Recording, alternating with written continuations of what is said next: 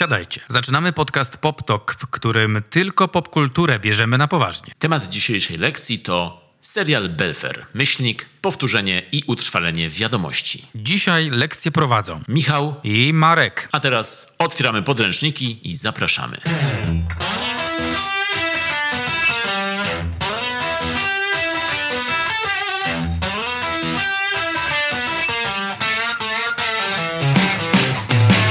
Marek, czy jesteś przygotowany? Była taka opcja, żeby zgłosić nieprzygotowanie. Dzisiaj to nie jest ten dzień, dzisiaj przygotowany. Wow, nie wiedziałem, że tak długo można odpowiadać na to pytanie. No, ja nie wiem, co to wróży nam w tym dzisiejszym odcinku, co będzie. Jeśli na takie pytanie odpowiedziałeś już, e, już druga minuta leci już e, tej odpowiedzi. I mojej odpowiedzi na twoją odpowiedź leci trzecia minuta już.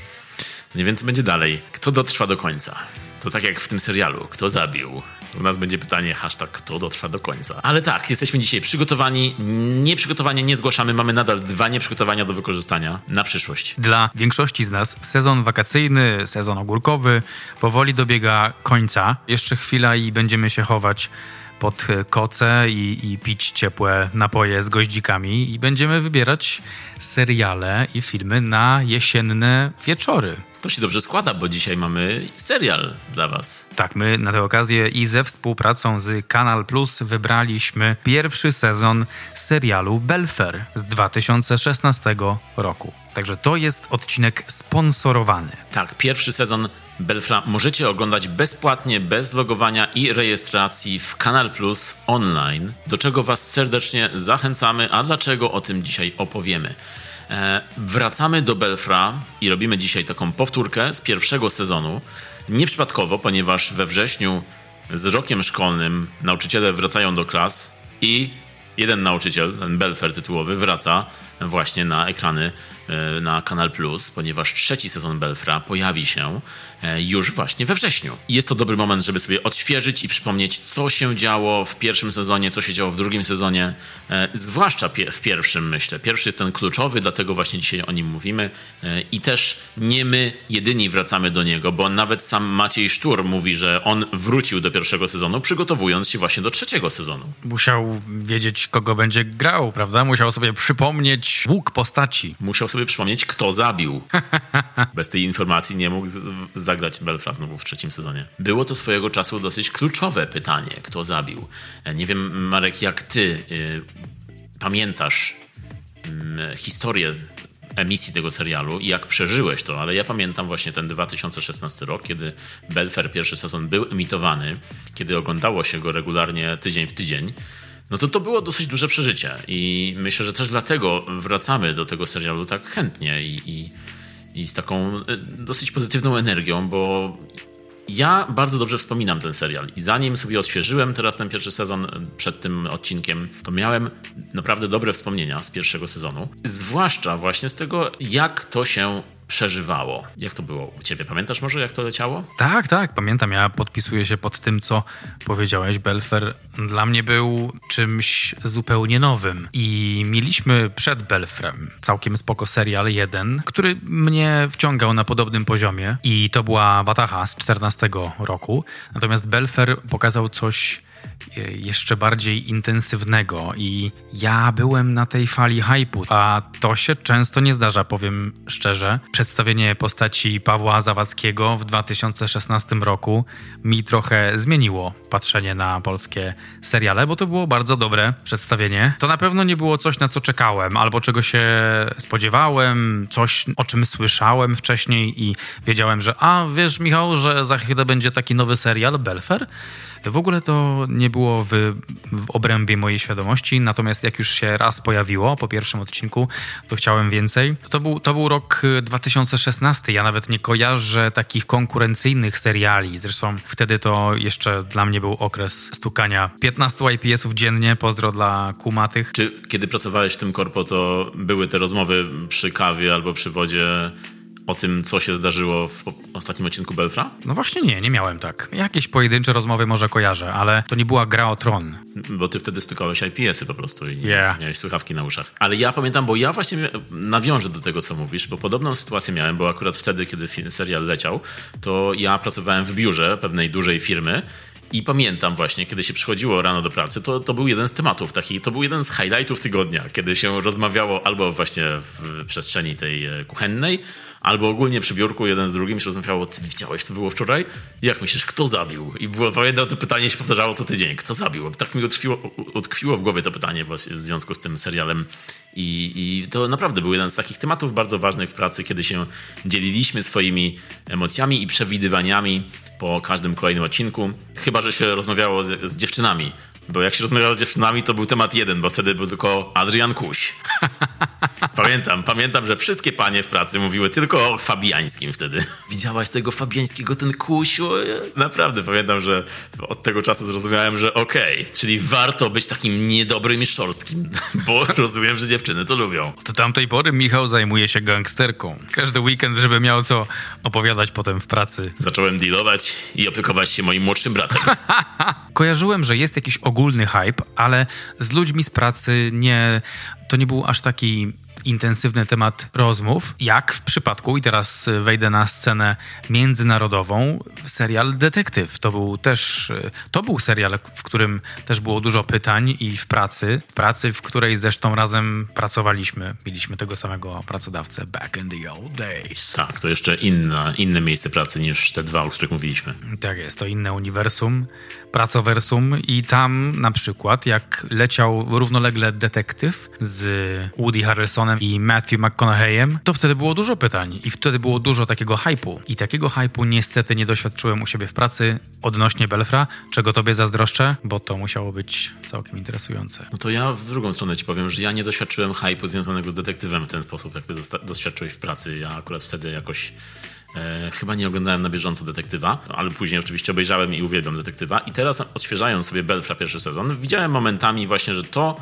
zwłaszcza pod koniec pierwszego sezonu, że to ma jakieś takie mm, właściwości podobne do, do serialu Detektyw, że jest ta zagadka, która naprawdę się śledzi i podobnie jak detektywie wywołuje podobne emocje momentami. I don't sleep. I only dream. Czy teraz będzie segment, w którym e, udajemy Matthew McConaughey'a? Możemy go udawać, ale nie wiem, czy z tego serialu nam się uda. Możemy z reklamy Lincolna możemy go udawać. Okej. Okay. To było tyle, to było okej. Okay. To było to to. jeszcze jest, jeszcze jest ora, ora, ora. Matthew, co ty tu robisz? Wyjątkowo dzisiaj ja udaję kogoś, bo zawsze Marek udaje, więc e, dla tych, co pierwszy raz nas słuchają, to Marek jest gościem od głosów, ale dzisiaj ja akurat przyjąłem Matthew McConaughey'a. McConaughey! Klasyczne wykonanie. Także wracając do Belfra, no to tak, ja pamiętam, że był to jeden z najchętniej oglądanych seriali w tamtym czasie. I jeśli chodzi o polskie seriale, to tak jak wcześniej wspomniałeś, to rzeczywiście jest to, myślę, że w takiej topce mm, seriali polskich z ostatniego dziesięciolecia, a na pewno jest na pierwszym miejscu polskich seriali o szkole. I wiem, co mówię, bo zanim te wszystkie prace się wydarzyły, o których mówiliśmy, to ja pracowałem jako nauczyciel w szkole. O, przez właśnie. Dobrych kilka lat w różnych szkołach. Żadna nie wyglądała tak jak szkoła z Belfra, nikt tam nie dealował, przynajmniej nie, nic o tym nie wiedziałem. Mimo twoich usilnych prób? Wtedy, gdybym wiedział, to bym był tym kusiem, ale no... Ale nie, nie. Jak ja pracowałem, to wszyscy byli grzeczni. Czyli ty już byłeś w tej fazie po-belfrowej, czyli ktoś przed tobą zaprowadził porządek i ty już przyszedłeś, jak było właściwie nudno. Tak, tak. No już, już wszystkich aresztowali, tych, którzy, których mieli aresztować. Już zostały same dobre dzieci. Czyli nikt nie podjechał samochodem, nie opuścił szyby i nie powiedział Panie Miller, zapraszam do samochodu. Wyjęli teczkę, z teczki wyjęli zdjęcie. To było zdjęcie... Ciebie, jak miałeś jeszcze czarne włosy. Tak, zanim osiwiałem. I po prostu poprosili mnie, żebym zajął się trudną klasą w liceum na Bałutach. Trudna klasa. Na Bałutach. E, także, także to jest moja historia z pracą w szkole. Oczywiście nie. tak, no nie, ja, ja, ja pracowałem w grzecznej, e, wśród grzecznej młodzieży, chociaż zdarzały się tam... Ancemony były. Ancemonki były, ale oglądając Belfra właśnie też miałem nawiązać do tego, że te, te, realia szkoły przedstawione w Belfrze i ten język i ta młodzież y, sprawdza się wyjątkowo dobrze, zwłaszcza jak na polskie kino. Nie był, nie był to serial Polsatu, Duża Przerwa. Nie wiem, czy pamiętasz taki komediowy serial o nauczycielach w pokoju nauczycielskim. Taki sitcom to był kiedyś. To są moje dwa doświadczenia ze szkołą w telewizji. Duża Przerwa i później Belfer. Wow, to duża przerwa między tymi serialami. No i był oczywiście serial Boston Public, no ale to już nie polski. Pamiętasz hasło reklamowe serialu Belfer? Nie? Śmierć nie czeka na przerwę. Wow. To jest, lubię takie hasła reklamowe, bo to jest, brzmi dobrze, ale jak dużo o tym myślisz, to sobie myślisz, ej, coś tu, co, na pewno? Na pewno nie czeka? Może czeka jednak? Może jednak właśnie przygląda się, jak ktoś ma przerwę. Skąd wiesz, co śmierć robi? You don't know me! Serial Belfer, pierwszy sezon. Zawsze w naszym podcaście, jeśli słuchacie nas pierwszy raz, a mamy nadzieję, że jednak nie, że słuchacie nas regularnie, no to powiemy najpierw, że zawsze zaczynamy od przedstawienia twórców, osób związanych z danym dziełem, w tym wypadku z serialem Belfer, z pierwszym sezonem. Jeśli mówimy o serialu Belfer, to musimy pamiętać o trzech nazwiskach. Jest to Łukasz Palkowski, Jakub Żulczyk i Monika Powalisz. Łukasz Palkowski może być dla Was znany z seriali takich jak na przykład 39,5 z filmu Wojna żeńsko-męska i filmu Bogowie, zresztą bardzo uznanego. Reżyserował też film Najlepszy, to jest tytuł. Najlepszy, to nie jest najlepszy film, to jest film pod tytułem Najlepszy. No ja w Opalkowskim mógłbym powiedzieć, że jest on w niektórych kręgach najlepszy. Chodzi mi o to kręgi polskiego kina, bo ja bardzo lubię Łukasza Palkowskiego e, od czasu jego debiutu fabularnego, filmowego, od czasu filmu Rezerwat. Czy ty usłyszałeś ilość rymów w swoim zdaniu? Palkowskiego, filmowego, fabularnego. Bardzo lubię film Rezerwat. Pamiętam, jak obejrzałem go na pierwszy raz na festiwalu Camera Image i zrobił na mnie duże wrażenie, ponieważ nie spodziewałem się wtedy, w tamtych latach, bo to był 2007 rok, więc dawno, że polski film, który może się wydawać z początku takim typowym polskim filmem, e, okaże się tak raczej naprawdę bardzo dobry. Jest to film, który jest i dramatem, i komedią, filmem obyczajowym. Naprawdę działa na kilku poziomach, są tam dobre kreacje. Jest tam jeszcze Tomasz Karolak, zanim się wszystkim opatrzył. Jest tam Sonia Bohosiewicz też, zanim się wszystkim opatrzyła. Bardzo dobry film, Rezerwat, polecam e, wszystkim. No i od czasu tego filmu obserwowałem e, karierę Palkowskiego i zauważyłem, że jest on naprawdę dobrym rzemieślnikiem, że on jest dobrym reżyserem, który potrafi z wielu rzeczy nie swoich zrobić coś naprawdę dobrego. Na przykład właśnie powiedziałeś serial 39,5. Pamiętam dawno temu, jak ten serial się oglądało i pamiętam jego odcinki, że naprawdę wyglądały bardzo dobrze. E, I w filmografii ma też właśnie film Bogowie, bardzo dobry film. E, później serial Belfer, a ostatnio też reżyseruje seriale takie jak Chyłka, Pułapka, Diagnoza, czyli ogólnie TVN-owe seriale. No i dlatego też myślę, że Belfer wygląda tak dobrze, jak wygląda ten pierwszy sezon, bo odpowiada za niego Łukasz Palkowski. Speaking of rzemieślnik, no to Jakub Żulczyk to jest taka kolejna postać, która mi osobiście znana jest z dwóch tytułów.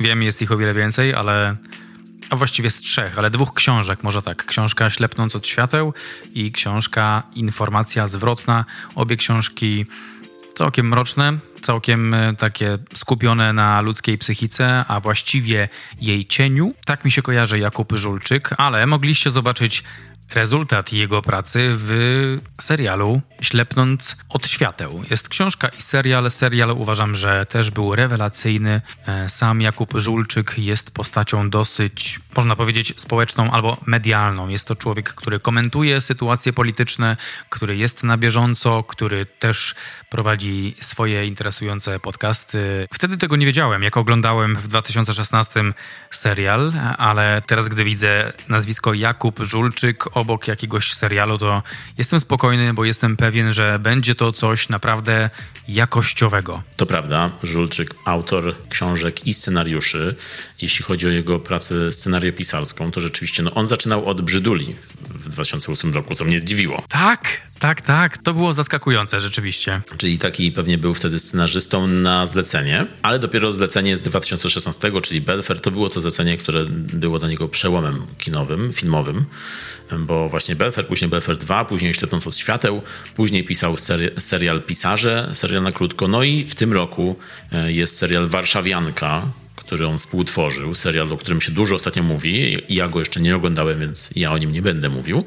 No, ale jest on dużym wydarzeniem też ten serial. I, I, myślę, że właśnie to wszystko się łączy z osobą Żulczyka, e, który naprawdę pisze dobre historie, ale też pisze dobre postaci i ogólnie te jego scenariusze są takie pełne. Pełne życia i pełne śmierci. Bo śmierć nie czeka na przerwę. Nie czeka. W przeciwieństwie do życia. Życie czeka na przerwę. Życie, tak. Czyli na śmierć. Tak. Wow. Pełne energii, pełne życia. Nawet dzisiaj możemy bardziej porozmawiać o serialu Belfer i właśnie o tym scenariuszu, który według mnie jest naprawdę bardzo dobry. Natomiast współscenarzystką serialu Belfer jest razem z Jakubem Żulczykiem, Monika Powalisz. Dramatopisarka, reżyserka i scenarzystka, która skończyła e, Wydział Polonistyki Uniwersytetu Łódzkiego, naszego rodzimego. Także pozdrawiamy panią Monikę. Hashtag reprezentuj. Pani Monika Powalisz jest związana z takimi tytułami na przykład jak Zadra Matecznik albo teraz nowy serial Kanal Plus Sortownia z Andrzejem Chyrą w roli głównej. Ale jeszcze jest jedna postać ważna przy pierwszym sezonie i ogólnie przy serialu Belfer. Chodzi mi tutaj o pana Wojciecha Bockenheima. E, to na podstawie jego pomysłu i powstał serial i ogólnie jest on producentem. To on przyszedł właśnie do Jakuba Żulczyka i Moniki Powalisz z tym pomysłem i on nadzorował pracę nad scenariuszem. Także i, i są nawet cztery osoby związane z tym serialem, które, cztery nazwiska które są tutaj bardzo ważne. I tutaj mówimy o pierwszym sezonie, bo później w drugim i w trzecim sezonie reżyserzy się zmieniali już. Natomiast pierwszy sezon jest w całości dziełem reżyserskim Łukasza Palkowskiego i myślę właśnie, że to, to jest ta przewaga sezonu pierwszego nad drugim, że to jest ta pewna ręka reżyserska przez cały, całe 10 odcinków. Tak, tutaj może sprzyjać temu serialowi to, że była jedna wizja reżyserska w pierwszym sezonie, podczas gdy w drugim było ich trzech, no ale w trzecim sezonie wracamy z jednym reżyserem będzie to Łukasz Grzegorzek, reżyser takiego filmu jak choćby Moje wspaniałe życie. To jest jego ostatni. Tak, to może być ciekawe połączenie właśnie serial kryminalny e, z Grzegorzkiem, bo, bo mnie to cieszy na przykład że intryguje mnie, jak będzie wyglądał ten trzeci sezon, zwłaszcza, że jest on właśnie bliższy pierwszemu sezonowi, czyli tej małomiasteczkowej zbrodni. No i jeśli mówimy o małomiasteczkowej zbrodni, to możemy przejść do fabuły pierwszego sezonu, który rozgrywa się w Dobrowicach. Dobrowice fikcyjna miejsce miejscowość zlokalizowana w różnych miejscach Polski, na skraju różnych województw. Ono się przenosi, przenosi się. Tak, bo to, to miasteczko trochę podróżuje, bo jest na pograniczu kilku województw właściwie, co jest ciekawe, bo jest fikcyjnym miasteczkiem, ale znajduje się na pograniczu istniejących województw. Kujawsko-Pomorskie, Pomorskie i Warmińsko-Mazurskie. Tam właśnie leżą Dobrowice. Ale nie leżą, bo są fikcyjne. Ale na pograniczu województw istniejących. I w tym właśnie miasteczku, małym miasteczku, dochodzi do zbrodni. There has been a murder. Mówiłem, że Marek jest gościem od głosów. Jestem gościem. Marek Szczepański, głościu. I to jest kolejny termin, który ukuliśmy. Jest głościu, a wcześniej było chociażby trupa. Czyli teatralna grupa. Co Bejlo to Bejlo, ale to już nie jest e, to samo. Dobrze, no to e, wracamy do Dobrowic, małe miasteczko, w którym dochodzi do zbrodni. E, no i tutaj oczywiście mm, już od pierwszego odcinka wiemy, bo serial zaczyna się takim cold openem, czyli uczniowie spacerując przez las znajdują ciało swojej koleżanki Asi. E, Joanna Walewska zostaje zamordowana i od tego momentu już, od tego cold openu mm, z tą zagadką obcujemy przez 10 odcinków. To jest nasza, nasza oś główna. I oczywiście mm, przychodzą od razu do głowy skojarzenia z serialem Twin Peaks, Pamiętam, że właśnie w 2016, kiedy oglądałem Belfra i kiedy się wydarzyło właśnie to odnalezienie tej, tej dziewczyny zamordowanej, no to od razu miałem skojarzenie z Twin Peaks z Laurą Palmer. I ten klimat małego miasteczka i tej małomiasteczkowej społeczności też zresztą kojarzy się bardzo z serialem Lyncha ale też kojarzy się z serialami na przykład takimi skandynawskimi, kryminalnymi, albo też amerykańskimi, ale też brytyjskimi. Kojarzą mi się z Broadchurch. Jakie jeszcze narodowości Albo może? francuskimi, może ewentualnie hiszpańskimi.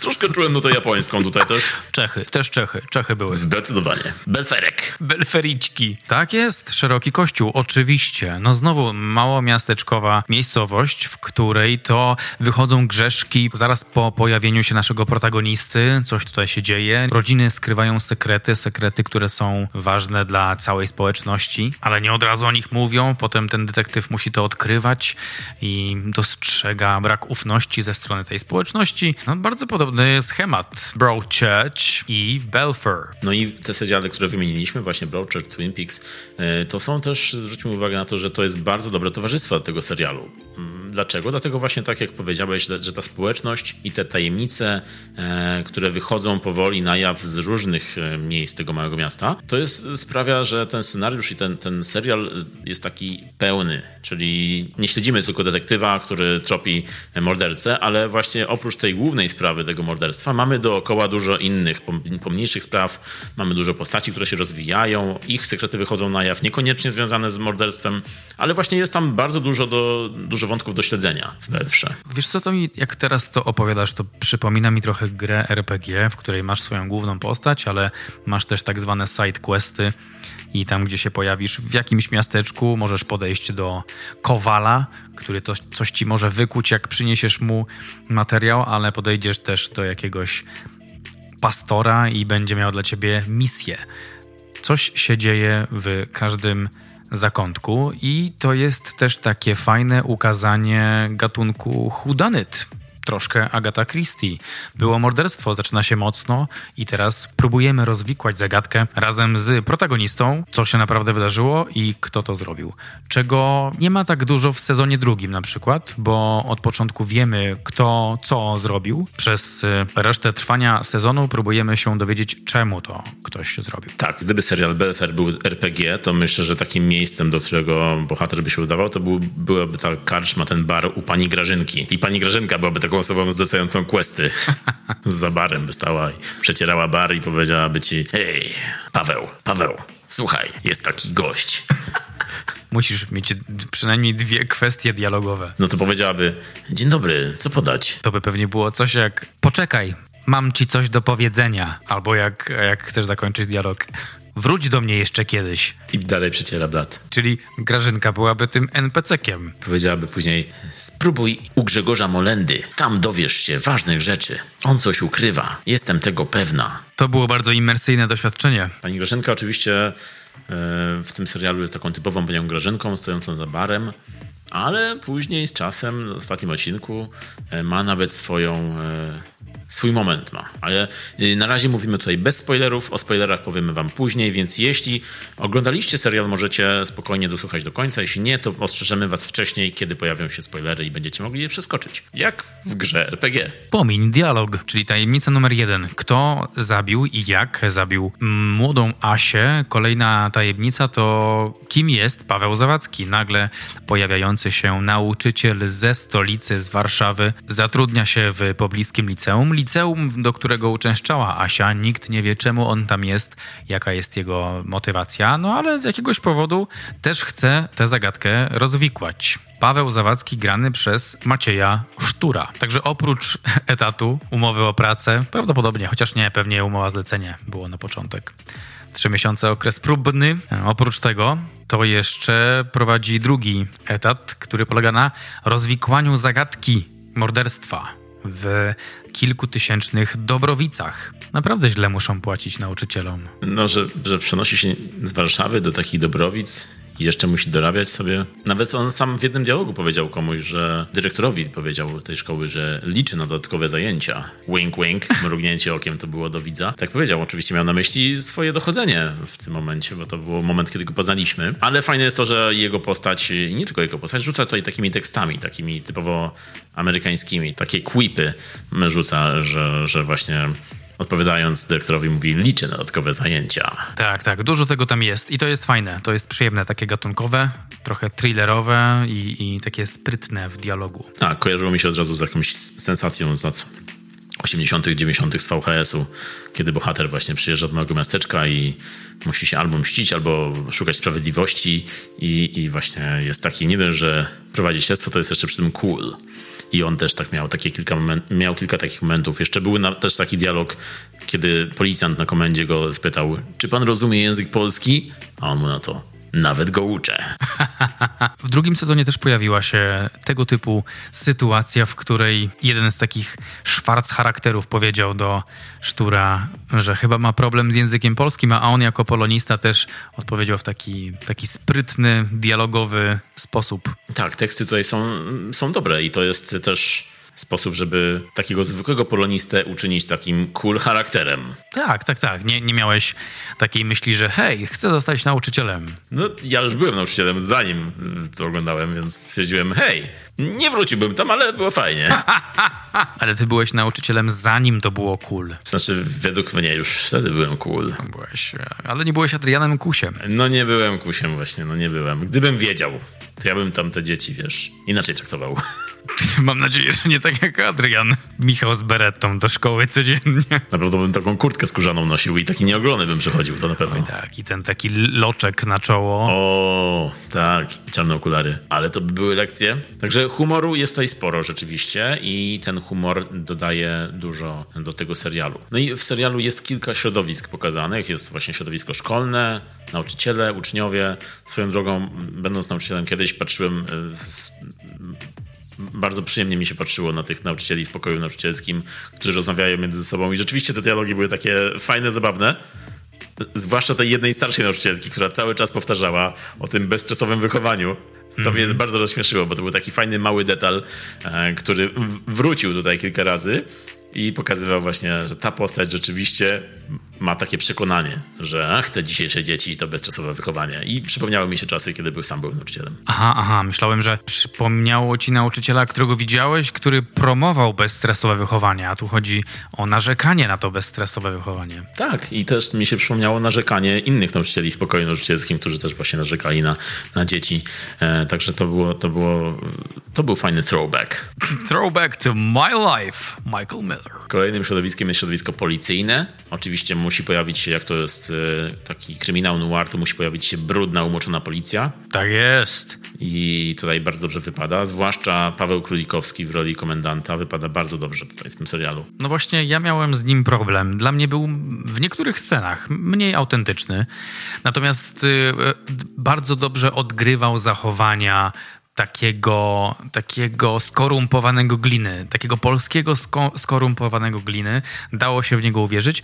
Natomiast coś z jego grą aktorską dla mnie było takiego, że, że czułem barierę, że nie, wierzy nie wierzyłem, że on tym jest emocjonalnie, ale, ale totalnie dobrze odgrywał zachowania skorumpowanego polskiego gliny w moim postrzeganiu. Co jest trochę dziwne, no bo czy to nie jest to samo? No, mnie się podobał on i jego postać i podobały mi się też jego dialogi, bo to ewidentnie Żulczyk i Powalisz wrzucili sporo dobrych tekstów dla tej postaci, bo on miał naprawdę, jak tam mówił, y, to co któryś tekst miał taki zabawny, taki typowo polski, trochę taki małomiasteczkowy, ale, ale były te teksty zabawne naprawdę. No ja z policją nie mam za dużo do czynienia. To chyba dobrze. To chyba dobrze, no ale pod kątem tego pytania trochę kiepsko, więc mogłem chociaż coś tam przeskromać i jakieś doświadczenie złapać, żeby mieć porównanie, ale y, ten portret, portret małomiasteczkowej policji totalnie mnie kupił. To wyglądało świetnie. Widać było, że że tak trochę kombinują chłopaki i e, rączka rączkę myje, każdy sobie troszkę pomaga i zapewnia dodatkowe złotówki do emerytury w nie najlepszy sposób. Widziałem to, nie znam się, ale robiło to dla mnie dużo sensu i to było tak dobrze osadzone w tej takiej skonserwowanej polskości. No to żonie kupisz jakiś ładny, jakiś ładny łańcuszek, kupisz albo wakacje, o, to był mniej więcej taki vibe ich relacji. Natomiast y, szczególne zasługi zbiera oczywiście grany przez Piotra Głowackiego aspirant Rafał Papiński. On jest szczególnie dobrym człowiekiem tam. Taki jeden lepszy wśród tych zgrai gorszych. Ale jeśli mówimy o kombinujących, e, cwaniakach, no to przechodzimy do kolejnego środowiska, czyli tych biznesmenów, małomiasteczkowych biznesmenów, którzy są tutaj też ukazani w negatywnym świetle. Są te grube ryby w garniturach, które rozmawiają o interesach i już źle im z oczu patrzy. Takie typowe Polaki cwaniaki z poprzedniej ery. E, I oni właśnie cały czas coś e, kombinują na swoją stronę, cały czas te ciemne interesy są prowadzone w tle i to też nam się jakoś łączy z tą główną osią fabularną i też bardzo dobrze ją uzupełnia. To, to właśnie każdy, każdy e, szczebel społeczny każdy, każda przestrzeń społeczna jest jakoś tutaj, tutaj wypełniona tymi postaciami. Biznesmeni, kolejna paczka, paczka z wolskich e, z Woli, taka, taka grupa kombinująca przeciwko Batmanowi, tacy wszyscy z Wole z Gotham zebrali siły, żeby manipulować miastem, żeby czerpać korzyści ze swojej gangsterskiej aktywności. No to była kolorowa grupa, czyli taka krupa, kolorowa grupa. Znowu to zrobiliśmy. No i mamy kolejną grupę też e, a propos tego, co powiedziałeś, czyli tych gangsterów, na czele których stoi Adrian Kuś i właśnie te niziny społeczne są tam e, już pokazane, kiedy Kuś ze swoimi partnerami e, robią te ciemne interesy no tutaj jest najbardziej gangstersko z całego serialu, ale nawet te grupy gangsterów są tutaj momentami pokazane tak e, z przymrużeniem oka, zwłaszcza w scenie, kiedy ojciec leje pasem swojego syna, któremu się zachciało gangsterki i od razu te, ci gangsterzy nam e, zmniejszają się w naszych oczach, że taki niby gangster dealujący, a wystarczy, że ojciec przyjdzie i go zleje i, i, i już nie jest dla nas w ogóle w żaden sposób groźny. Nawet i dla swoich kolegów nie, też już nie jest, nie jest szanowany przez kolegów swoich. Także, także fajnie się te grupy mieszają i te wątki też fajnie się przewijają, mieszają, napotykają się po drodze. Mm, no, to, to mi się bardzo podobało w tym serialu.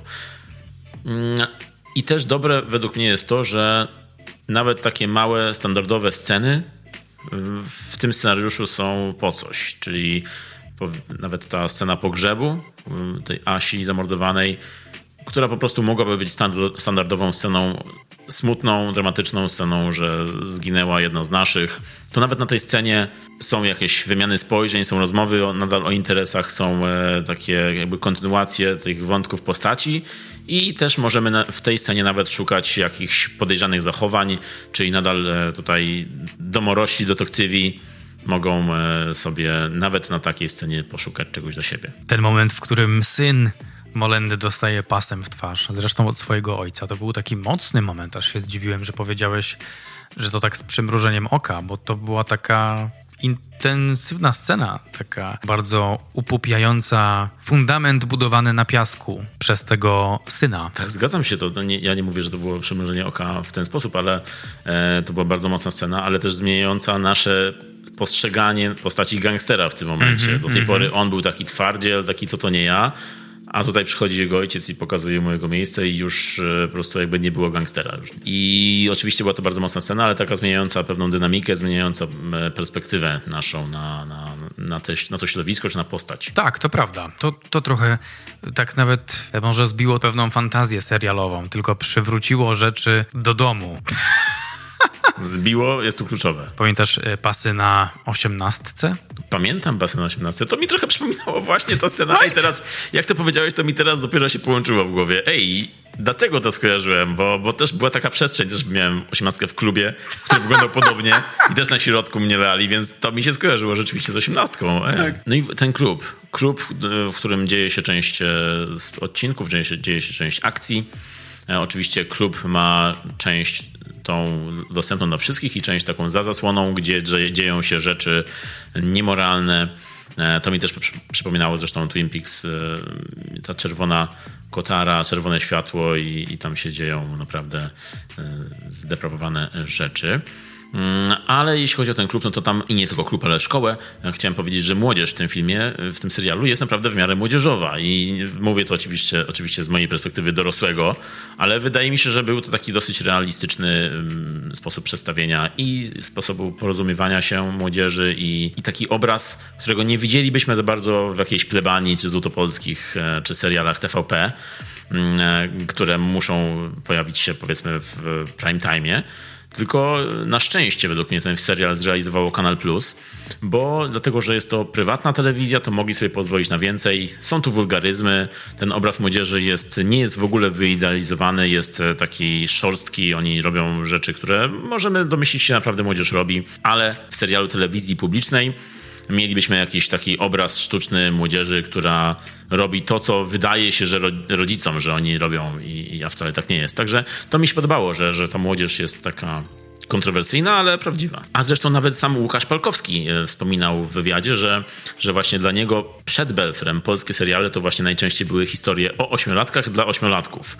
A Belfra przyjął, dlatego że tu było inaczej, że to było coś takiego dorosłego bardziej, że młodzież jest z krwi i kości. No i właśnie myślał, że ocenzurują go, że ten serial, serial ocenzurują bądź zdejmą, bo są wulgaryzmy, bo jest odważny obyczajowo, bo młodzi robią złe rzeczy i ucieszył się, kiedy usłyszał, że właśnie Kanal Plus nie, nie cenzuruje i rzeczywiście jak Są wulgaryzmy, to są wulgaryzmy tutaj. No i bardzo dobrze. Bardzo dobrze, bo te, to odwzorowanie realiów licealnych do mnie bardzo przemawiało. Tam wszystko było takie, z czym można było się uosobić, przypomnieć sobie, jak to było w tym liceum, jak wyglądały te relacje i te, ta atmosfera w trakcie prowadzenia lekcji. To było coś naprawdę dobrze osadzonego w rzeczywistości, przynajmniej mojej rzeczywistości. Chyba, chyba to ostatecznie mówię, że, że chodzi o moją rzeczywistość. Ale z tego, co ty mówisz, nawet opisując atmosferę w pokoju nauczycielskim z perspektywy nauczyciela, to też dostrzegasz tam coś, co widać było, że no po prostu jest dobrym pisaniem przez, przez e, Żulczyka. Dzisiaj możemy tak to określić. Tak, tak, oczywiście. Ale historia oczywiście byłaby niczym bez aktorów. Aktorów mamy tutaj naprawdę dużo i dużo znanych twarzy, dużo umiejętności widzimy na ekranie. Ja mam do ciebie pytanie. Powiedz mi może tak, z tej ekipy dojrzałej aktorów, jaka była twoja ulubiona postać? Albo jaki aktor najlepiej według ciebie odgrywał swoją postać? No ja muszę tutaj postawić e, chyba na Kusia, na Sebastiana Fabiańskiego, który po tym serialu, po, tej, po tym pierwszym sezonie stał się gwiazdą. I ta rola i role oczywiście u Patryka Wegi, one wystrzeliły tę karierę. I samo to, że o Fabiańskim się mówiło podczas oglądania Belfra po Belfrze, że mówiło się jego postaci, no on jest tam cool, on naprawdę nadaje się do tego typu ról, a że to była taka pierwsza rola, jego pierwsza taka twarz filmowa, no to, to, to zrobiło wrażenie. E, oczywiście Sztur w głównej roli bardzo mi tu przypasował i jest on trochę takim protagonistą, który ma być e, odzwierciedleniem widza, który nie pokazuje aż tak dużo emocji i ma nam pokazywać ten świat raczej, więc nie jest to taka bardzo dramatyczna rola, chociaż ma momenty tutaj dramatyczne, no bo jednak jego prywatna historia jest dramatyczna. Także y, według mnie no, Sztur sobie bardzo dobrze poradził w tym serialu, bardzo pasował do tej roli, uosobił się z tą postacią. Jeśli miałbym wymienić natomiast najlepsze role, no to na pewno Fabijański, E, Głowacki, Królikowski, ale też Grzegorz Damięcki grający Molendę. To są takie chyba cztery najbardziej pamiętne e, role według mnie. Każdy reprezentuje coś innego. Gdybym miał z tych wszystkich wybierać, no to chyba Fabijański naj, naj, najbardziej się wybija. A u ciebie jak, Marek? U mnie zdecydowanie jest to, jest to Maciej Sztur. Świetny aktor i od wielu lat zaangażowany w wiele, wiele aktorskich projektów, zresztą nie tylko aktorskich, bo to też bardzo jest społeczny człowiek. A fajnie go widzieć w roli dramatycznej. Uważam, że świetnie sobie poradził. Ma spory talent i jest bardzo pracowity i widać to w tej roli.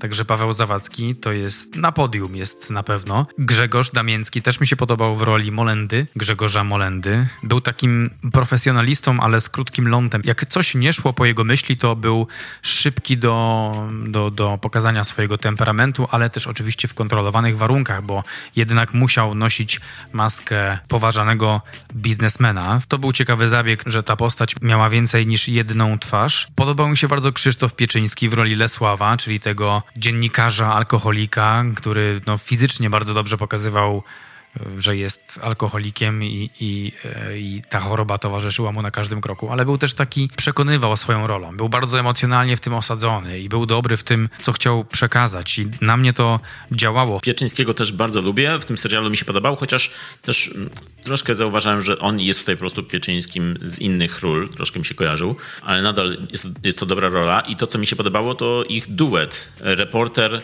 nauczyciel, dwóch e, niby detektywów w poszukiwaniu prawdy. To kiedy oni byli razem ze Szturem Pieczyński, i oni próbowali rozwiązać tę zagadkę, to te sceny mi się bardzo podobały. To był taki trochę duet jak Sherlock Holmes, dr Watson, tylko w takich domowych warunkach. Także to na plus, jak dla mnie, tak. Watson to Lesław, prawda? Lesław Watson. Lesław Watson. I Sherlock Kowacki. To brzmi tak dobrze, że nawet nie chce mi się z tego śmiać, wiesz Michał? To dobrze, bo to było na poważnie. Wiesz co ci jeszcze powiem na poważnie? Powiedz. Że, i to może być zaskoczenie, że bardzo mi się spodobał Szymon Piotr Warszawski jako ten oficer CBS, Radosław Kędzierski. To było w pierwszym sezonie, w drugim już trochę mniej, ale w pierwszym był takim fajnym zaskoczeniem dla mnie, jak się pojawił na miejscu zbrodni, jak rozmawiał z tą małą miasteczkową policją i Królikowskim w roli komendanta, to tak tak go dobrze roastował, tak, takie miał dobre riposty na to, co ta policja mówi i ja mu wierzyłem w tym pierwszym sezonie, że jemu najbardziej zależy na tym, żeby rozwiązać zagadkę,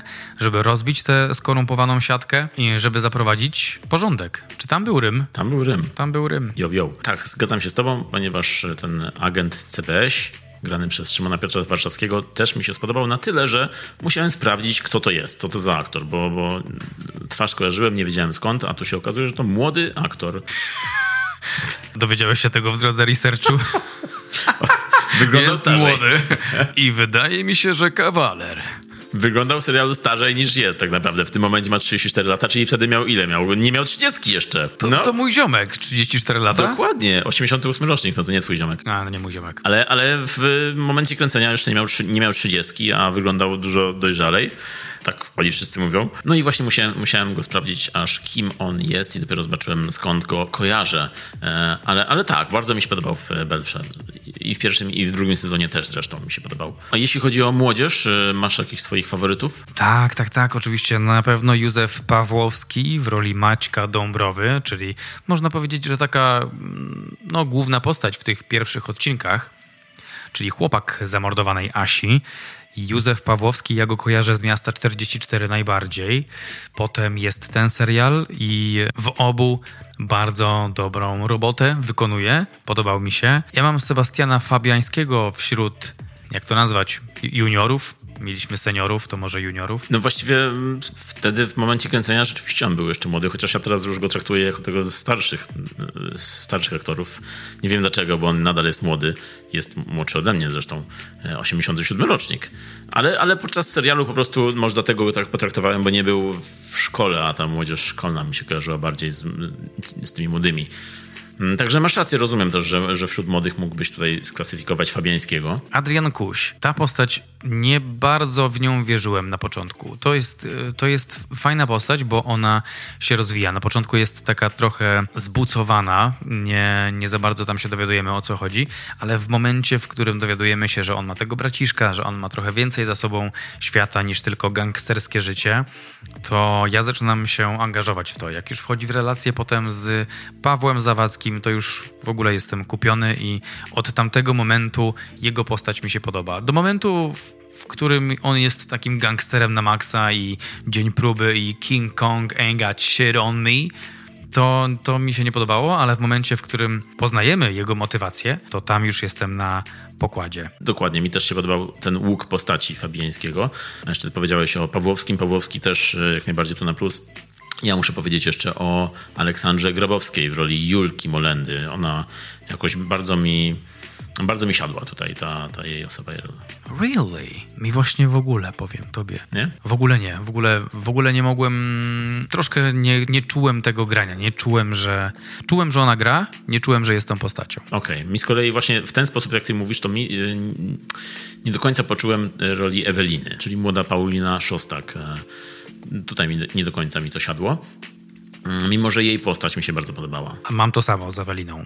Z Pauliną Szostak właściwie. Tak, jej postać przypominała mi koleżankę z życia, życia prawdziwego Marka Szczepańskiego. Koleżankę o imieniu Hania. For some reason, ale jeśli chodzi o postać Eweliny, to tam nie widziałem w tej grze. W tej grze było za dużo pustych przebiegów, tak, tak, albo takich prób na sucho, tak mi się wydawało, że tam oprócz końcowych aktów, bo tam było dużo emocji, ale w trakcie rozwijania tej fabuły to mm, taka zachowawcza była trochę ta postać i też nie mogłem tego kupić. Rewersem tego natomiast jest rola Jakuba Zająca w roli Krystiana Wróblewskiego. To był taki zaskakujący element tego serialu. Ja nawet nie jestem pewien, czy wiesz o, ko- o kogo chodzi. Kojarzysz taką postać? Nie, nie, nie, nie pamiętam. To był ten, który się w Ewelinie podkochiwał, ale ona go odrzucała, ponieważ chciała Maćka. Tak, tak, tak, tak, już I pamiętam. on był takim zaskoczeniem, bo on tak naturalnie grał, jakby w ogóle nie było kamery tam.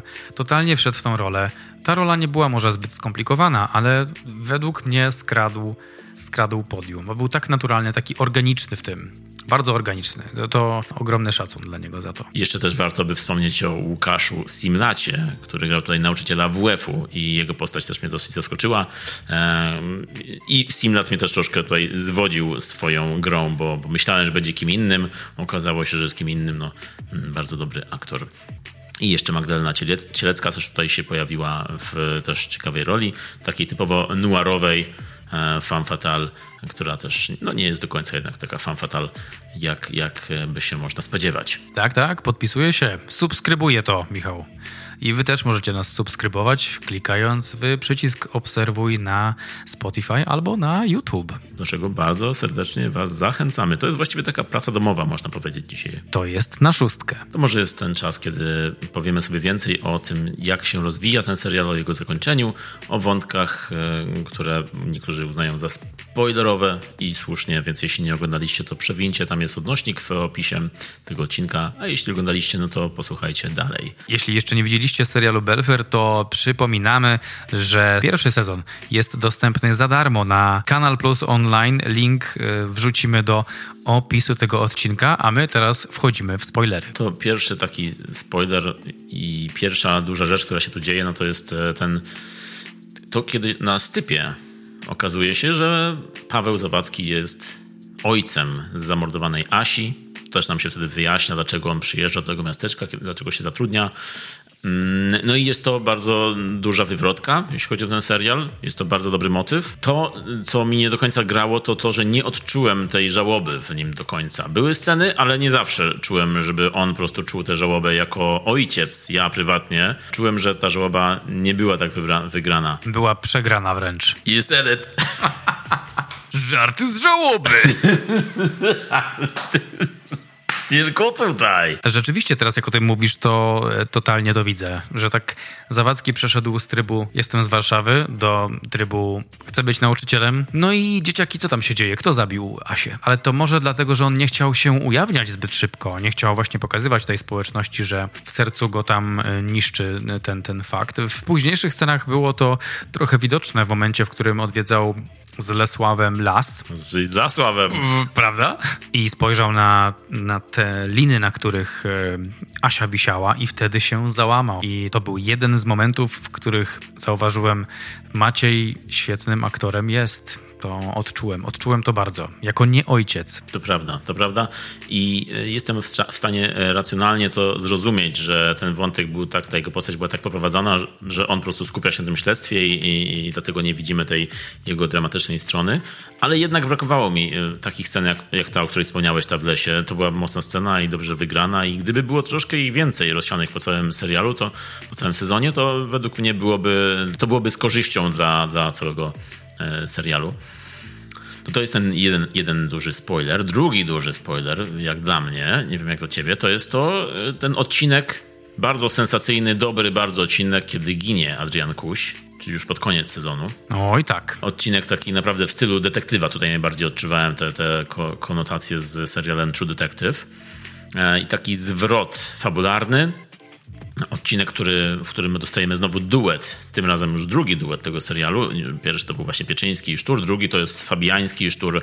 E, naprawdę tutaj ta dynamika między nimi była dobra i ten odcinek był poprowadzony bardzo, bardzo efektownie. No i jest to też odcinek, w którym prawie dochodzimy prawdy, ponieważ e, ci dwa zbiry których kuś wykańcza, oni wyjawiają jemu prawdę i to jest ten moment taki, jak oglądałem, pamiętam, że to było wow, zaraz się dowiemy, ale się nie dowiedzieliśmy i to jeszcze bardziej tak podsycało tą tajemnicę, e, że, że, że kuś poznał prawdę, ale zaraz zginął. Można powiedzieć, że kuś katował Gieryt, kuśka. Okej, okay, dobra. Teraz dopiero załapałem, jak to powtórzyłeś. Można powiedzieć, że, że od tej zemsty to aż kuś tykał. To jest... E... Wybaczcie za tą suchość. Ale tak już mamy, tak już u nas jest po prostu. No na mnie ogromne wrażenie zrobił finał i yy, zdemaskowanie Eweliny. I to było to, że ja oglądałem ten serial kiedyś i pamiętam, że zrobił na mnie ogromne wrażenie i teraz robiłem sobie rewatch i zobaczyłem w, w, sobie, że znowu na mnie robi wrażenie, że ja zapomniałem o tym, że to Ewelina stała za tym wszystkim, że ona była tą władczynią marionetek i ona sterowała operacją, używając swojej nastoletniej, ale trochę makiawelistycznej strategii i moment, w którym Sztur ją demaskuje i ona pokazuje swoją prawdziwą twarz, mam teraz ciarki, jak o tym mówię. To To jest moment, w którym y, aż tak bardzo mi nie przeszkadza gra Pauliny Szostak, bo dochodzimy do prawdy, dochodzimy do tej, do tej y, najgłębszej z warstw, które Maciej Sztur, Paweł Zawadzki przez wszystkie odcinki penetrował. On tam chciał dojść i udaje mu się to i my wtedy czujemy ogromną satysfakcję, ale jednocześnie czujemy ciarki na plecach. Ja przynajmniej czułem, bo tam ten ładunek emocjonalny był dosyć poważny patrząc na śmiejącą się Ewelinę, która wreszcie zdejmuje maskę i mówi: Co mi zrobisz? Nie masz nic na mnie, nic mi nie udowodnisz. I wtedy, wtedy, jak Maciej czyli Paweł Zawadzki odpowiada jej, dziewczyno żyjesz w piekle i jeszcze o tym nie wiesz, to bardzo, bardzo dokładnie wiedziałem, o czym mówi Maciej Sztur i dopiero następna scena pokazała, co to dla niej oznacza, że wszyscy się od niej odwracają, że plują w jej stronę, że przeklinają ją i jaki to musi być ból, zwłaszcza mieszkając w takiej małej miejscowości. Także ta końcówka była bardzo mocna i bardzo udana w mojej ocenie. W mojej podobnie i tutaj też powiem, że finałowa wywrotka z Pauliną Szostak podobała mi się też aktorsko. Tutaj nie przeszkadzało mi w żaden sposób. Uwierzyłem w to i byłem tam z nią. E, tutaj jej umiejętności, być może było to w związku z tym, że ona tutaj pokazała inną twarz i ta twarz bardziej jej leżała, ale podobała mi się tutaj w tym momencie ona aktorsko. Ogólnie ten odcinek finałowy, według mnie, najlepszy odcinek sezonu i to, jak oni poprowadzili ten odcinek i ten, ten reveal jeden za drugim. Właściwie to było kilka zakończeń. Trochę jak Władca Pierścieni, tylko że bardziej skondensowane, lepiej poprowadzone niż Władca Pierścieni. Władca Kredy. Bob Elfer. Gerrit. Bob Elfer, rozumiem. Łapiesz. rozumiem. Łapie. I ten, e, to kiedy dostajemy najpierw jednego sprawcę, czyli Julkę, która chciała się zemścić, nastraszyć tą Asię e, i dostajemy retrospekcję, jak to się wydarzyło i tam dosyć tragiczną, mocną scenę. No i to nam się wszystko ładnie łączy. Wszystkie wątki zostają zamknięte i jeszcze dostajemy dodatkowe zakończenie po tym, kiedy, kiedy Julia zostaje aresztowana, jeszcze drugi syn Molendów e, też zostaje, też, też zostaje aresztowany i w ogóle jest to finał bardzo druzgocący dla tej rodziny Molendów, którą zresztą wcześniej się obwiniało. E, ten e, mąż i żona Tutaj paradoksalnie jest dla nich jednoczący finał, bo oni się tutaj jednoczą, kiedy ich e, dzieci zostają aresztowane. No ale, no ale jest to e, koniec, na jaki oni być może no, nie zasłużyli, ale na pewno nie, nie zasłużyli. Mm, ale na koniec właśnie jeszcze dostajemy jakby postscriptum, czyli e, Paweł Zawadzki przychodzi do baru, i pani Grażynka wraca do naszego życia. Okazuje się, że pani Grażynka, którą e, Zawadzki oskarża, myśli, że to ona wydała Asię, że to ona stoi za tym, ale ona wyjawia, że to tak naprawdę ta Ewelina kelnerka slash reporterka lokalna jest zamieszana, w to, zamieszana bardzo głęboko w to zło. I to najgorzej, bo w ukryciu tchórzowsko e, w białych rękawiczkach wszystko mm, jakby próbowała zaaranżować. No i ten finał jest bardzo ciekawy właśnie, jak już powiedziałeś, czyli finał po finale ujawia nam jeszcze jedną złą, ale taką, której nie da się ukarać więzieniem, za to da się po prostu odczuć jej wykluczenie i ten jej żal za grzechy, którym dostajemy w tym epilogu jakby. No i na sam koniec dostajemy ten teaser kolejnego sezonu, czyli wtedy, kiedy agent CBS przychodzi do Zawadzkiego i proponuje mu, daje tą teczkę i pokazuje kolejne liceum we Wrocławiu i dostajemy dosłownie ostatnie zakończenie. Ta operacja nazywa się Belfer. That was American. Bardzo amerykańskie. Poczułem się, jakbyśmy byli w Jamesie Bondzie teraz. Paweł Zawadzki will return. Także tak, bardzo amerykańsko się skończyło, no ale no, jak dla mnie też nie jest to w żaden sposób e, zarzut. Tak, tak. E, jak dla mnie absolutnie nie. To zadziałało na plus. Bardzo fajny był ten koniec. Bardzo fajny cliffhanger, bardzo wyraźny. Wiemy, co się będzie działo w następnym sezonie. Mr. Bond, dzieje się akcja X, nie wiem, w Afryce i potrzebujemy cię. Na koniec jednego Bonda. Albo komisarz Gordon podchodzący do Batmana w Batman początek, mówiący o tym, że w mieście szaleje człowiek, który przebiera się za klauna i daje mu kartę i już wiemy, że będzie mroczny rycerz. To są takie fajne cliffhangery. I moje pytanie do ciebie teraz i do nas wszystkich tu zebranych. Jeśli ktoś wie, proszę podnieść rękę. Czemu Paweł Zawadzki jest taki dobry w dochodzeniówkę? Myślałeś o tym y, podczas serialu? Jakby, hej, to on jest polonistą, czy pod przykrywką? O co chodzi? No tutaj jest e, określany jako polonista i też psycholog momentami. Pada tam takie określenie, bo, bo zostaje psychologiem na chwilę. To tak jak Maciej Sztur prywatnie. To dlatego tam go wzięli do tego. A. Pytam ciebie, bo to jest dla mnie coś, z czym nie czuję się do końca usatysfakcjonowany. Wydaje mi się, że to nie było poruszone. Chyba, że coś przeoczyłem. Wiesz czemu Paweł Zawadzki jest, jest lepszy od małomiasteczkowej policji, to powiedzmy pół biedy, ale czy, czemu wyprzedza CBS w swoich, e, w swoich aktywnościach? To jest dla mnie zaskoczenie, które chciałbym poznać takie origin tej postaci, bo mam wrażenie, że mamy słabe. Wydaje mi się, że to dlatego, że jest tym inside manem w tej, w tej fabule, czyli jest wewnątrz tego miejsca zbrodni, może tam przechadzać się, nikt go nie E, może tam przechadzać się swobodnie, nawiązywać kontakty ze wszystkimi, szukać tej prawdy wewnątrz. I to jest, e, to jest fajny zabieg właśnie, bo to jest taki typowo gatunkowy zabieg, czyli osoba taka z zewnątrz przyjeżdża do wewnątrz, żeby się e, rozejrzeć i dojść do prawdy. A nie brakuje ci takiego przedstawienia jego przeszłości, że być może coś tam się wydarzyło, co sprawiło, że on teraz jest dobry w takie dowiadywanie się. No i przecież podejmuje dużo, dużo ryzyka w swoich poczynaniach. I z jednej strony możemy to zrozumieć, ponieważ chodzi o jego córkę, ale z drugiej strony nie każdy ojciec podjąłby aż takie ryzyko i podejmowałby nieustannie ryzyko, aby dociec prawdy. Rzeczywiście brakuje troszkę jego origin story. Zwłaszcza, że jego postać jest wprowadzona tak tajemniczo w serial. To działa bardzo dobrze, ale później, kiedy dowiadujemy się, że jest ojcem zamordowanej, mm, to później ta postać nie ma już e, za bardzo związku z przeszłością, tylko cały czas rozwiązuje te sprawy. I dlatego, że jest to po prostu jakby awatar widza, czyli widz rozwiązuje zagadkę i Zawadzki jest tym, co rozwiązuje za widza, jakby pokazuje nam.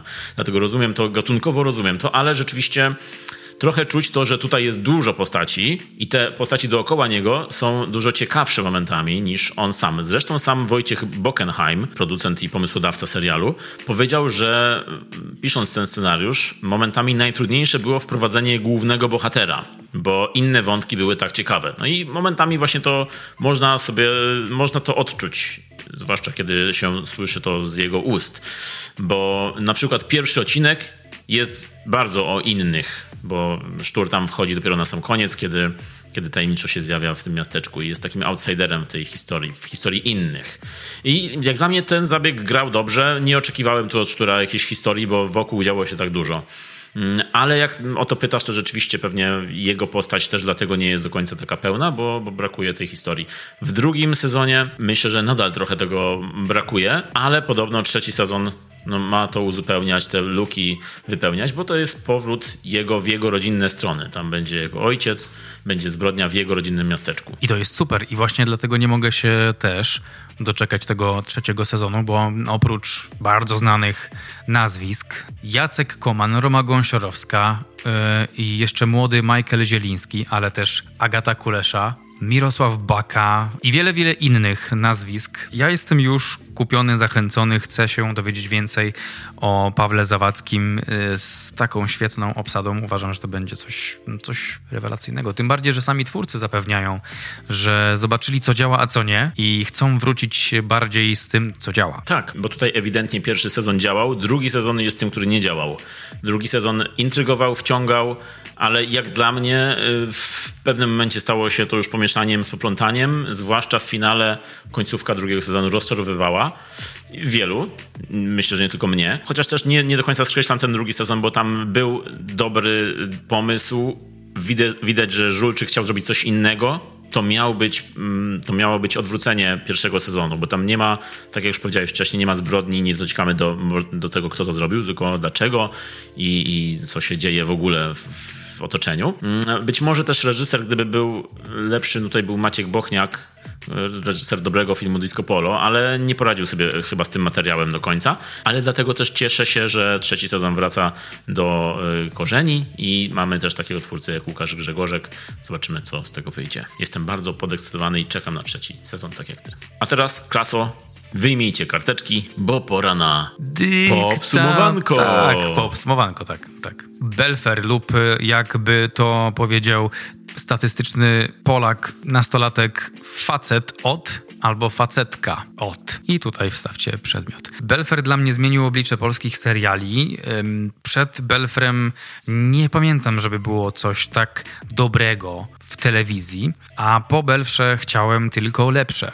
Dobrowice, mimo że fikcyjne, to dla mnie były takie, z którymi mogłem się uosobić. Ta, ten realizm nastolatków w liceum był dla mnie czymś, co, co całkowicie akceptowałem i kupowałem. I te archetypy różnych postaci, powiedzmy z klasy, trochę błaznów, trochę niebezpiecznych, trochę zagubionych, trochę wrażliwych. Y, wszystkie te postaci miały sens i miały swoje miejsce w tym serialu.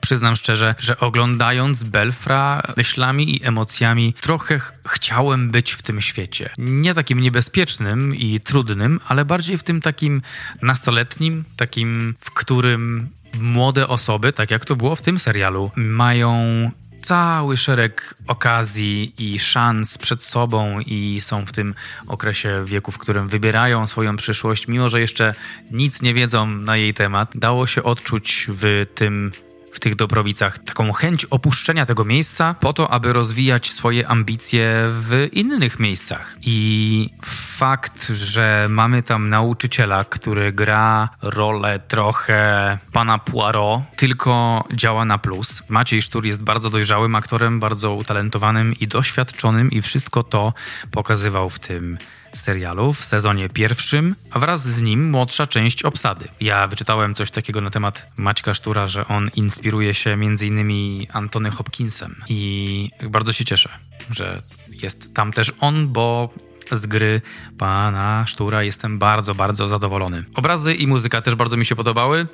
Following shoty, ciągła dynamika, jesteśmy cały czas w akcji, jak coś się dzieje, to podążamy za bohaterami. Muzyka mroczna trochę mi przypominała tymi swoimi smyczkami albo Jokera, Toda Phillipsa, albo... Ym, tak, powiem to, The Last of Us. Czy jest coś, co nie przypominało ci The Last of Us? Mm, obawiam się, że nie. I ode mnie leci 9 na 10 i czekam na sezon trzeci. Dla mnie ten Belfer był super i naprawdę wiele zmienił i stworzył nowe połączenia nerwowe i nowe oczekiwania. Nic dziwnego, że był tak nagradzany, no bo przecież Orły 2017 rok, Telekamery 2017 i bestsellery Empiku 2017 16 rok. Wydaje mi się, że wszystko zasłużone. Czekam na sezon trzeci. Pozdrawiam serdecznie. Podziękujmy panu Szczepańskiemu za ten wykład. Pora jeszcze na mój wykład i do domu. I dzwonek zaraz. A propos dyktanda, o którym zapowiedzieliśmy to podsumowanko, no to chyba Belfer jest jedynym serialem, który używa dyktanda w takim gatunkowym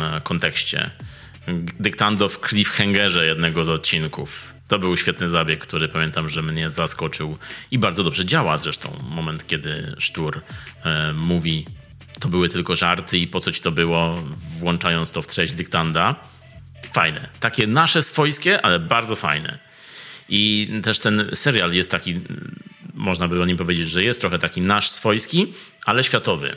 Z jednej strony są dyskusje na lekcji polskiego o maskach, o gębach, o Gombrowiczu, także tylko u nas. A z drugiej strony jest taki klimat norweskiego noir, amerykańskiej sensacji, takiej dziejącej się w małym mieście, którą mogliście kiedyś wypożyczać z VHS-u. Jest tu trochę Broadchurch i Twin Peaks, a jest tu trochę koszmar minionego lata. Te wakacje, stracone lato, e, nastolatki skaczące do jeziora. Klimat naprawdę dobrze tu działa. Działa też galeria różnych postaci, każdy ma swoje wątki, każdy ma swój charakter i te wątki bardzo dobrze splatają się ze sobą. Napięcie, jest utrzymywane przez całe 10 odcinków. Tło jest rozbudowane, zdjęcia Mariana Prokopa są tutaj bardzo ładne. I to wszystko, co powiedziałem, to jest zasługa przede wszystkim bogatego pisania, dobrej reżyserii, zdjęcia bardzo ładne, kolorystyka, gra światłem, cieniem, ruchem. Muzyka Atanasa Walkowa, kompozytora, którego wcześniej nie znałem, a przypominając sobie teraz pierwszy sezon, stwierdziłem, że chyba jest to zaniedbanie, bo on robi naprawdę dobrą, dobrą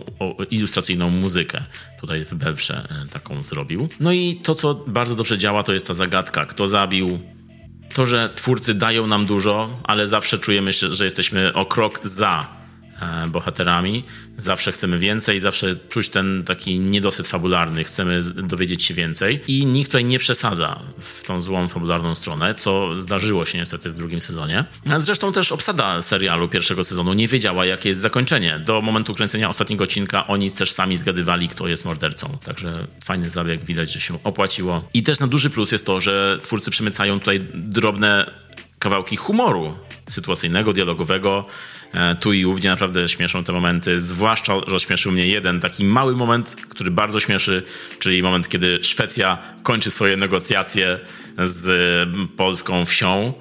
Szwedzcy biznesmeni wstają, wychodzą jeszcze na koniec zabierają swoją małą flagę ze zbiórka ze stołu i tak, tak w takim geście pożegnalnym. To, to był taki mały gest, ale mnie bardzo rozśmieszył. To było takie definitywne. Tak, bardzo szwedzkie. Także już ostatnie zdanie. W Polsce robi się dużo seriali kryminalnych, ale rzadko tak dobrze napisanych i na takim poziomie jak właśnie pierwszy sezon Belfra. Dlatego też kończąc tę lekcję, ode mnie ocena 8 na 10. Siadaj, ósemka. Tylko ósemka?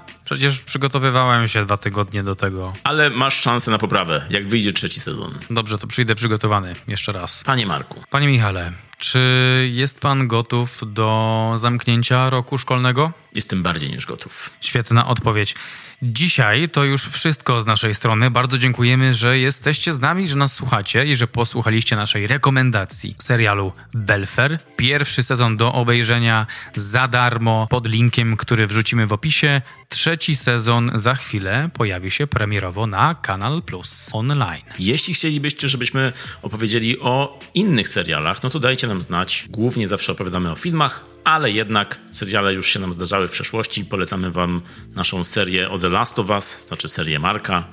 I jeśli są jakieś seriale, o których byście chcieli się dowiedzieć więcej, chcieli posłuchać, co o nich myślimy, no to jesteśmy otwarci na Wasze propozycje. Widzę, że wy już wszyscy spakowani, także nie zapomnijcie o swojej pracy domowej i nie biegajcie na korytarzu. Mówili do was jak zwykle Michał Miller i Marek Szczepański. Do zobaczenia, usłyszenia na następnej lekcji. Cześć i po ptokach.